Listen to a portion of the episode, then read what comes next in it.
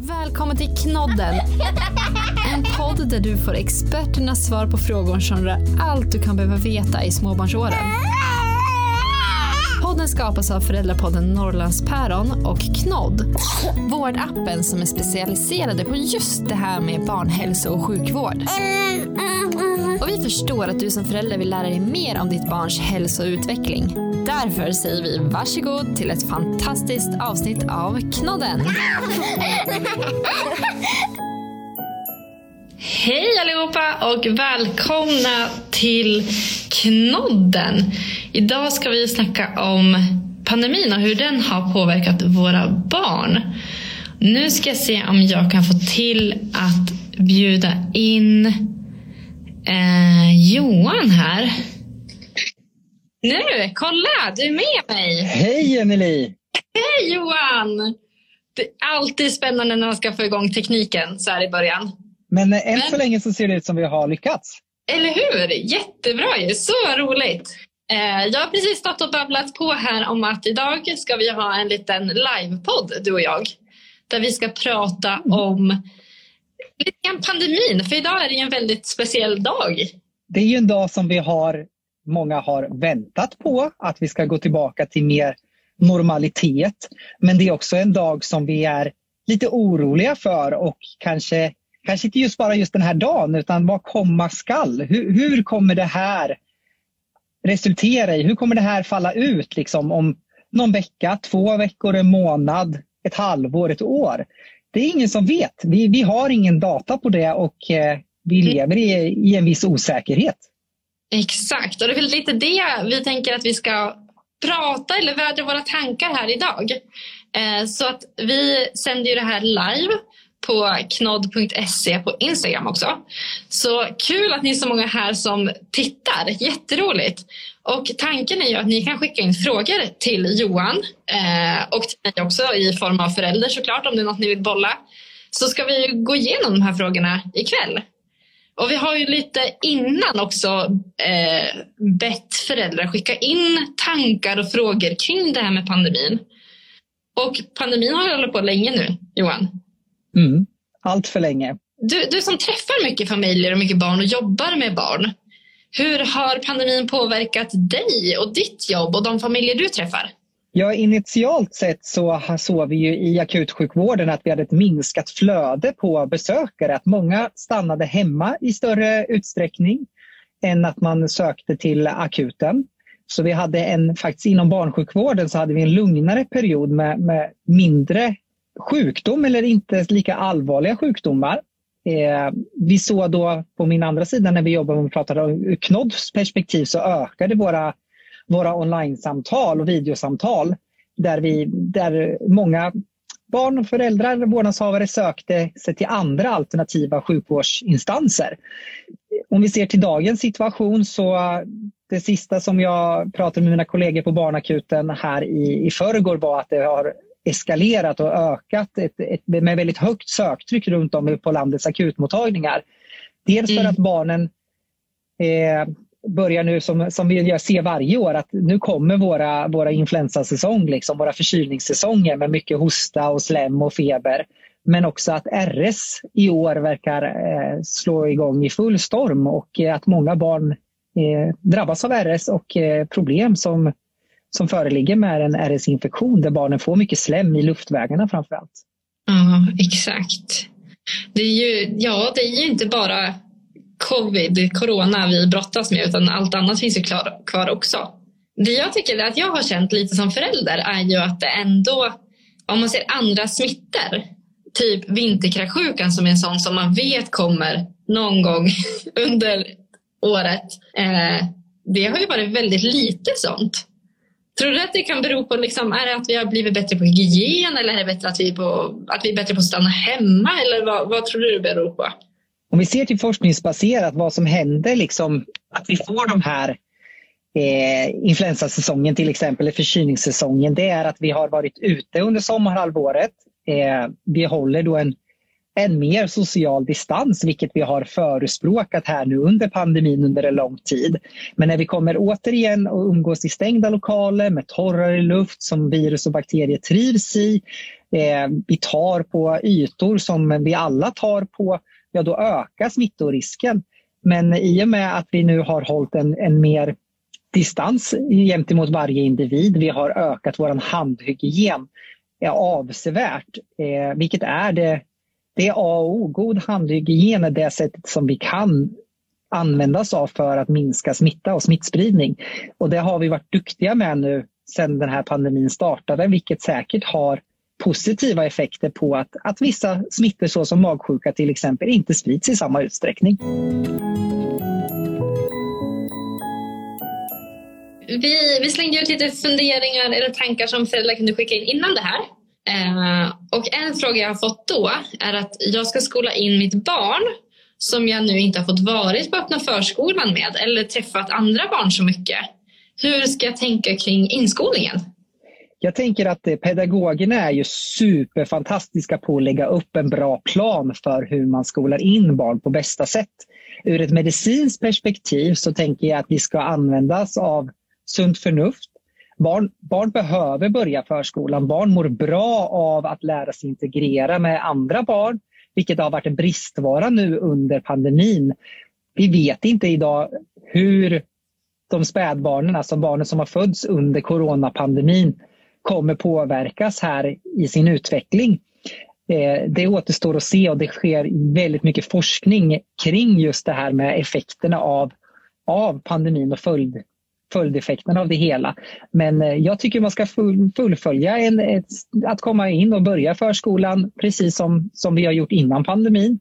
Vi ska vara duktiga och det är pedagogerna duktiga på att tvätta händerna på barnen inför måltid, att, eh, att lyssna på eh, Folkhälsomyndighetens rekommendationer. Även om vi har gått till ett, en mildare restriktioner nu så lever det ju fortfarande kvar. Även om det känns som att igår var en helt annan dag med andra förutsättningar så lever vi ju kvar i samma sak. Och det, det, det håller vi kvar, att hålla avstånd, att eh, respektera varandra. Vill man ha munskydd så har vi munskydd. Vill man eh, inte kramas då kramas man inte. Och det här funderar jag på senast i morse när jag träffade en, en god vän. Hur ska jag förhålla mig idag? Ska jag räcka fram handen? Ska vi kramas? Eller ska vi liksom hälsa verbalt? Och inte för att göra någon stor grej av det så, så kan man ju bara öppna upp med den frågan. Hur gör vi? Vi båda två går ju garanterat och tänker på samma sätt. Eh, och istället för att lägga någon värdering i det så bara, hur hälsar vi? Ja. Och då tror jag att vi kommer på en bra, bra nivå på hur vi löser den sociala interaktionen på ett bra sätt. Mm. För det där kan jag tänka på. Min, min yngsta dotter, hon var ju två år när pandemin började. Och hon är ju alltså snart fyra nu. Eh, hon hann ju inte riktigt lära sig hälsa. Eh, så det kan jag se nu, nu när det ändå blivit lite lättare när vi börjar träffa eh, mor och farföräldrar lite mer. Att de två äldre är ju superglad över att kunna springa fram och kramas när vi ses. För det är ju, det är ju ett sätt som man hälsar på också idag. Eh, Medan min yngsta inte alls förstår den grejen. Hon har inte, hon, hon har inte alls fått lära sig hur man hälsar på någon eh, med kroppskontakt. Utan det är ju mest hej hej, här är jag och sen så går man iväg och sköter sitt. Hur ska man börja lära av de här små det eh, så småningom? Ja, och det tänker jag att det behöver vi väl se lite mer hur, vad kommer de här lättare restriktionerna att, att visa sig i? Eh, jag var på en föreläsning så sent som igår om covid och covid hos barn och där vi ser att, som vi visste sedan tidigare, att barn får mildare symptom än vuxna. Även när det gäller deltavarianten så ser vi att alfa och deltavarianten relaterat till barn har ungefär lika många sjuk, eh, sjukhusvistelse eller sjukhusinläggningsdygn så att säga. Så delta biter inte värre på barn än vad alfa gjorde utan det är ungefär samma värden utifrån den, eh, den erfarenheten som vi har just nu. Mm. Vi, eh, vi vet om att, eh, att alla barn inte är vaccinerade, vilket vi, är också en faktor som vi, Folkhälsomyndigheten diskuterar regelbundet nu. Nu har vi kommit fram till så långt att vi vaccinerar från 15, 12-15 årsgruppen och uppåt nu. Eh, frågan är, ska vi börja vaccinera även 12-åringar och de som är yngre? Och det, där är det inte ett beslut taget. Det är en dialog som fortgår, inte bara i Sverige utan i, i hela världen. Eh, det sitter alltså olika samma konstellationer med vaccinationsexperter och ser på det här hela tiden. Det är, om jag kommer ihåg rätt nu, så är det fyra stycken länder i världen som har börjat vaccinera barn under 12 år. Eh, och, de, och de kickar igång här faktiskt i augusti, så det är bara en månad sedan. Vilket gör att vi har inte så mycket data på vad det har fallit ut som. Eh, det är eh, 33 länder totalt som har startat vaccineringen av barn och ungdomar generellt sett. Och då tänker jag att då pratar vi 18 år och ner till, till 12 år ungefär. Då, då. Så att eh, det sker olika saker i, i den här pandemin fortlöpningsvis också. Saker som vi inte vet om och saker som vi kommer behöva ta ställning till successivt framöver. Exakt. Och det där med vaccin är ju alltid en, en het potatis som man tänker och tycker mycket. Men om du kollar liksom på läget idag. Eh, jag tänker på det här med till exempel lekland. Eh, Sådana saker som mina, mina barn verkligen längtar efter det. De har ju knappt fått gjort det. Eh, badhuset här i Östersund öppnade för någon vecka sedan, två veckor sedan kanske. Och vi har varit där en gång och de var ju liksom överlyckliga. Men de, vet ju, de, de kommer knappt ihåg liksom hur, man, hur man beter sig bland, bland folk. Jag kunde ju känna att det var ganska mycket folk när vi var där.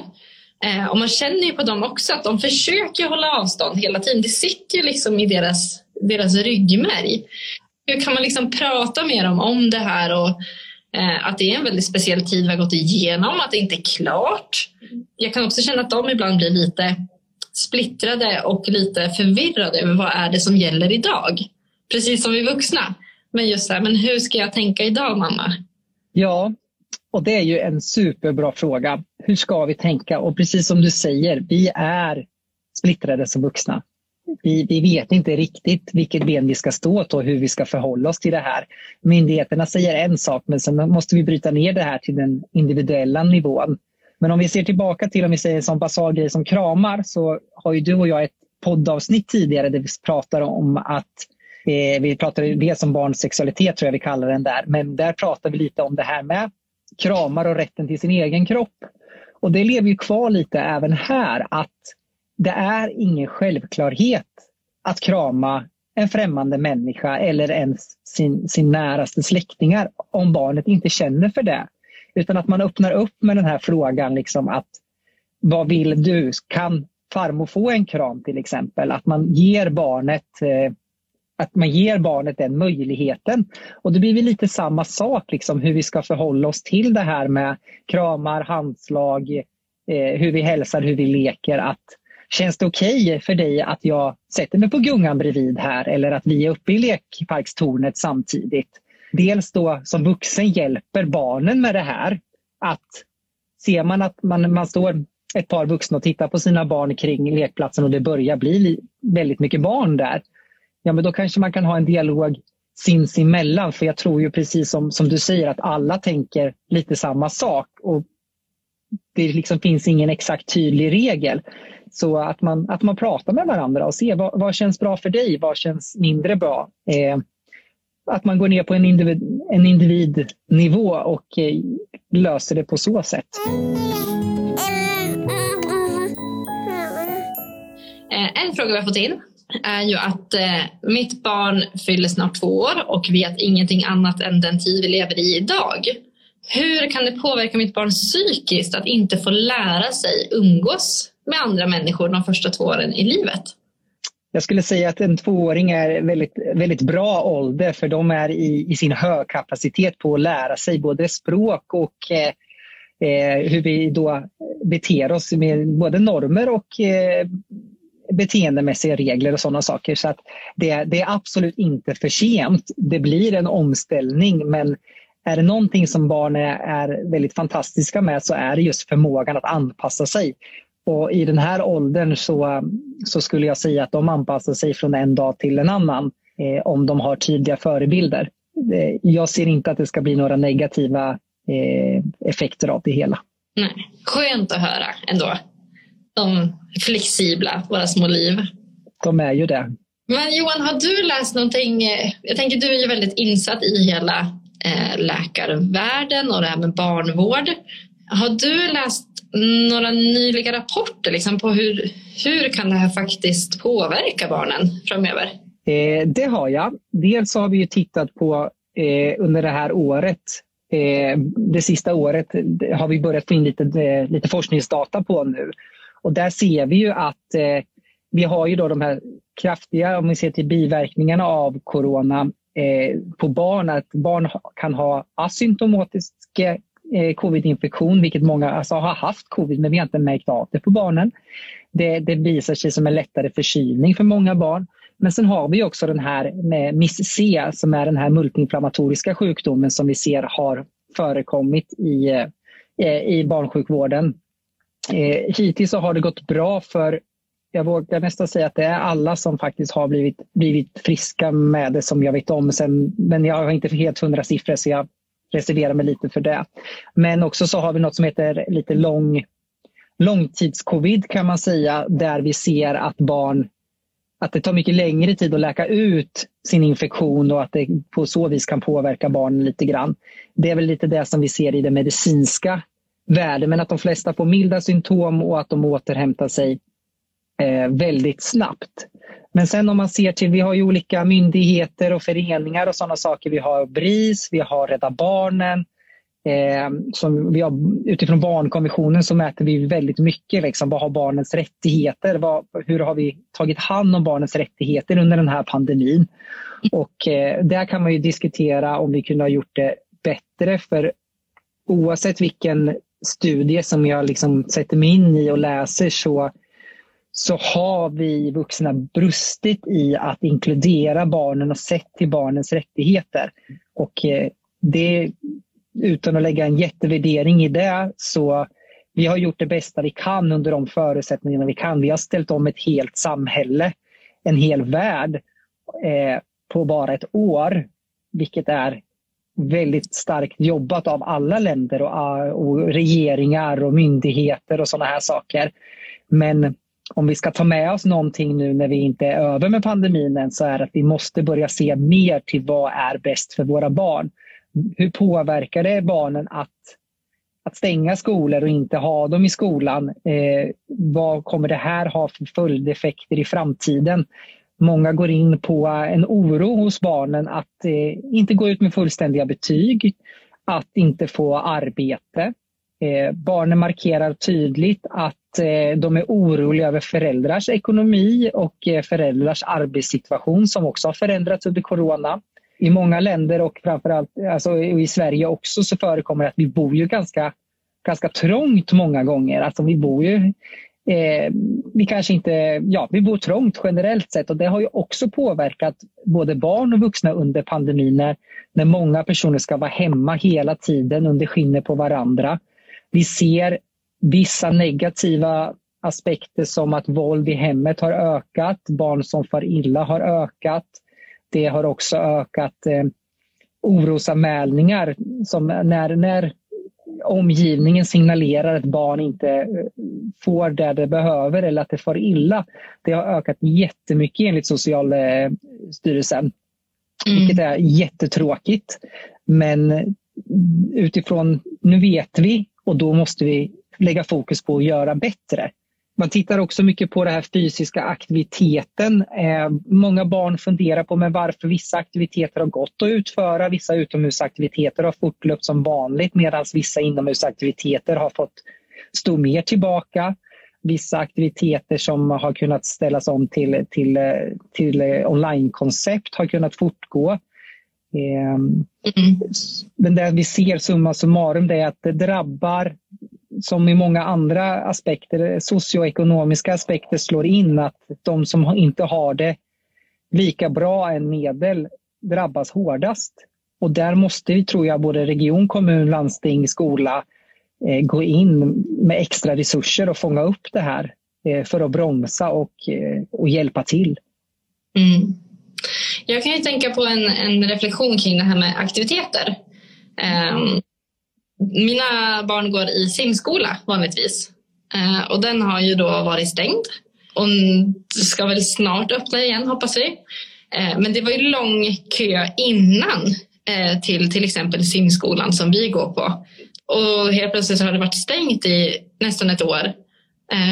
vad, vad tror du liksom sådana konsekvenser med sådana aktiviteter som som barn behöver kunna eh, längre fram. Hur kan det påverka liksom, den, den utbildningslängden? När, när kommer barn kunna simma? Kommer det vara likadant eller kan, kan det här påverka det på något vis? Jag tror ju att utan att vara insatt i skol och läroplanen så vet jag att, att simma är ju ett, ett krav i läroplanen att man ska kunna vid viss ålder. Jag tror det är på grundskolan man helst ska klara vissa delar där. Ni får jättegärna kommentera om det är någon som har mer input om exakt hur det, hur det ser ut. Men eh, eh det finns ju med i läroplanen, i skolläroplanen, vilket är att det måste man ju då klara för att få godkända betyg. Vilket gör att och har vi ett barn som leder en risk till att inte nå upp till sina betyg så har ju barnet rätt att få extra resurser. Och varpå att då får väl simning kunna vara en av de delarna som, som skolan måste lägga fokus på. För precis som du säger att simma, det behöver vi kunna. Jag tror ju att skol, Skolverket och, eh, och lärare och pedagoger jobbar stenhårt med att, att hitta de här viktigaste bitarna som barnen måste få med sig från varje årskull. Mm. Vilket säkert är super, super svårt och de gör ett fantastiskt jobb liksom att, att ställa om sin undervisning från fysiskt ha lektioner till att jobba, jobba online. Och eh, där trycker de väldigt mycket på eh, två begrepp som jag tyckte var lite intressant faktiskt. Där man pratar om eh, ja, men skillnaden med att man liksom flyttar undervisningen som, som man har gjort nu under pandemin, att man flyttar den i live-tid liksom till, från fysiskt till, till live då, så att säga. Eh, mm. till skillnad från distansstudier. Eh, för distansstudier per definition är liksom att man kan se en föreläsning efteråt eller när det passar en själv. Men här jobbar de med det här andra begreppet som jag inte kommer ihåg vad det var, men där man liksom jobbar i, i realtid. Vilket eh, eh ska vara då eh, bättre då, men också svårt för, för många barn att komma upp i tid, koppla upp sig, Eh, det är många barn som beskriver att, eh, att det har varit svårt under pandemin att följa skolplanen för att det är så mycket annat som lockar eller som man inte har motivationen att, att det är tråkigt, man får inte gå på sin fotbollsträning. Eh, mamma eller pappa har blivit av med jobbet, mormor är sjuk på sjuk. Alltså, det är mycket, mycket sorg och mycket oro vilket gör att de tappar motivationen och där måste vi hitta tillbaka och försöka ta ett vuxenansvar också att hjälpa barnen att hitta, hitta glädjen igen och hitta möjligheterna till att integrera, umgås med kompisar på ett bra sätt, aktivera dem oavsett om, man, om eh, vissa typer av fritidsaktiviteter är inställda i, i nuläget och förhoppningsvis kan öppna upp ganska snart att man man måste hjälpa, hjälpa, vi vuxna måste hjälpa barnen att aktivera sig när deras förmåga mm. eller deras inställning börjar, börjar sina. En eh, annan fråga eh, som jag fått in är ingen annan har passat mitt barn dessa år. Kan, knappt varit hemma hos oss. Hur gör jag för att börja? Eh, låter ju då som att det är ett litet barn hemma som kanske inte har umgåtts med så många andra. Ja, och då tänker jag Eh, Jenny, precis som vi hade ju faktiskt ett poddavsnitt som vi spelade in ganska nyligen med att sova borta eller bli sövd av en annan än ens vårdnadshavare. Ja. Kommer du ihåg vad vi sammanfattade då? Vill du återberätta det? Du, pratade mycket om, eh, du gav jättemycket grymma tips på hur man får till nattningsrutinen först. Eh, det kommer ett avsnitt med bara de tipsen. Och sen så kommer det ett tips eh, avsnitt med hur man får andra att natta sina barn.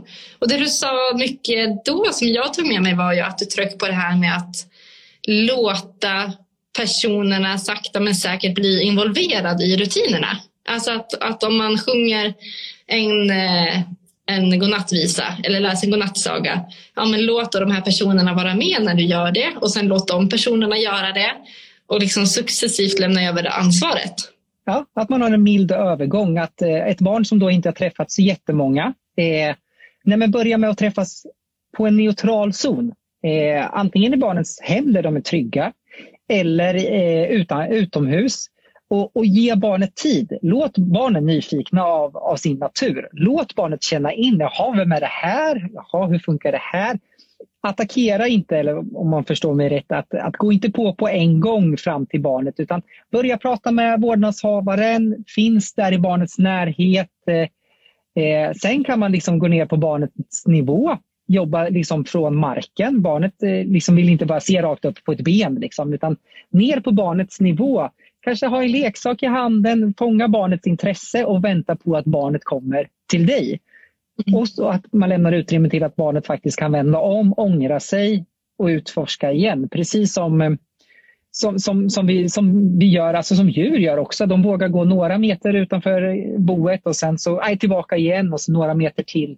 Vi människor funkar likadant i det fallet. Att mm. så ge barnen en chans att, att fånga uppmärksamheten och nyfikenheten och sen eh, invakta och eh, ja, som sagt var, låt barnet vänja sig med att, att det finns andra människor runt omkring och sen kan man då successivt addera upp det här. Mm. En annan fråga jag fått in är eh, barn. Jag har barn som frågar mycket om corona, eh, om det fortfarande finns. Och hur ska vi prata med barnen framåt om detta? Ska vi säga att det finns eller börja låtsas som att det aldrig har hänt? Jag skulle säga att det, det finns, för det, det, finns i all högsta grad. Eh, om vi drar en parallell här nu så vi eh, har inte vaccinerat klart och nått upp till WHOs mål ännu på vaccinationer eh, angående corona. Eh, man sa att i juni nästa år då vill man att 75 procent av världen ska vara eh, vaccinerad. Och vi är inte riktigt där ännu och vi har lyckats ganska bra i stora delen av världen. Eh, framförallt har, i 52 länder har vi lyckats nå upp till 10 procent i nuläget. Eh, men framförallt i Afrika så har, har vi liksom brustit där i tillgång och, eh, och administration av vacciner. Så att corona finns i all högsta grad. Eh, även om, om våra förhållningssätt till det eh, ser lite annorlunda ut just nu. Så absolut, vi ska prata med barnen om corona och att det har funnits och vad som har förändrats, hur det var förr. Eh, men också lägga fokus mycket på framtiden hur ska det bli? Och hur ska vi tänka kring det? Exakt. Jag tänkte vi ska snart börja runda av här Johan. Eh, men den här pandemin har ju också kommit med en hel del positiva saker. Eh, så jag frågade lite föräldrar om det också. Eh, och då var det ju det vi redan pratat om, mindre andra sjukdomar, att man upplever att liksom smitt på förskolan eller skolan inte går lika långt utan det tar stopp snabbare. Eh, Eh, och sen att barn påminner varandra om att ta hand om hygienen. Att det liksom har blivit en så normal grej för dem att vara noga med att tvätta händerna och tvätta händerna eh, när de kommer in och innan de ska äta och innan de lagar mat och eh, allt sånt. Eh, och sen så var det en rolig grej som det var en förälder som skrev att de har börjat uppskatta de små sakerna. Till exempel att få smöra själv på förskolan. Mm. Att det är en sån grej som börjar komma tillbaks nu. Att man ställer fram maten igen istället för att den står eh, så att vi vuxna alltid serverar. Och det är väl, tycker jag, en, en spännande grej att reflektera över. Att, att barnen får börja testa lite mer själv igen eh, i vardagen också. Och det gäller ju liten som stor, liksom, att, att man börjar få tillbaka lite av tolka med rätt, sina, sina tidigare, det man trodde var rättigheter som, som man nu har liksom fått backa tillbaka på. Mycket positiva saker har vi fått med oss eh, under den här pandemin som har gått. Men som sagt var att vi är inte i mål än. Vi kommer att lära betydligt mer. Vi kommer få veta mer om de här long term effects. Så att det är viktigt att vi inte liksom släpper garden och eh, stormar iväg helt fritt. Att det är viktigt att vi eh, eh, tar hand om varandra. Vi fortsätter att hålla avstånd. Och som sagt då att jag vill trycka verkligen på, på det här med akutmottagningar som jag pratade om. Trycket, söktrycket har ökat igen och att i år så ser vi att RS är någonting som verkligen har expanderat och förekommer väldigt ofta och det gör de, kan göra de små barnen väldigt, väldigt sjuka. Så covid eller andra luftvägsvirus drabbar barn så att eh, vi ska fortfarande vara försiktiga. Väldigt bra. Men Johan, vad, vad känner du med, med barn och liksom ditt yrke och pandemin? Känner du att, eh, att du kan hålla ut lite till eller känner du less på det? Eller vad är dina personliga reflektioner på det här? Ja, självklart så hade jag precis som alla andra önskat att det här var över. Men eh, det har jag förstått för länge sedan att där är vi inte. Vi, vi kommer få dras med det här och olika typer av förhållningar under många år framöver oavsett om, om vi får ner virussmittan eller inte. Men det, det som är positivt är att barn, i barnperspektivet så är barn väldigt flexibla. De kommer hitta copingstrategier, alltså förhållningssätt till att bemöta de här situationerna eh, som, som de har varit med om och eh, de förändringarna som, som, som de har blivit uppvuxna med kontra när jag växte upp som liten. Mm. Så att det finns gott med hopp för att det ska komma någonting positivt utav det här också. Det är viktigt att ha med sig. Mycket skönt att höra. Tack snälla Johan för att du har suttit och snackat här med oss ikväll. Tack själv. Ha en fortsatt fin kväll allihopa. Det får ni verkligen ha. Tack alla ni som har kikat. Eh, så hörs vi snart igen. Ha det bra. Hej då!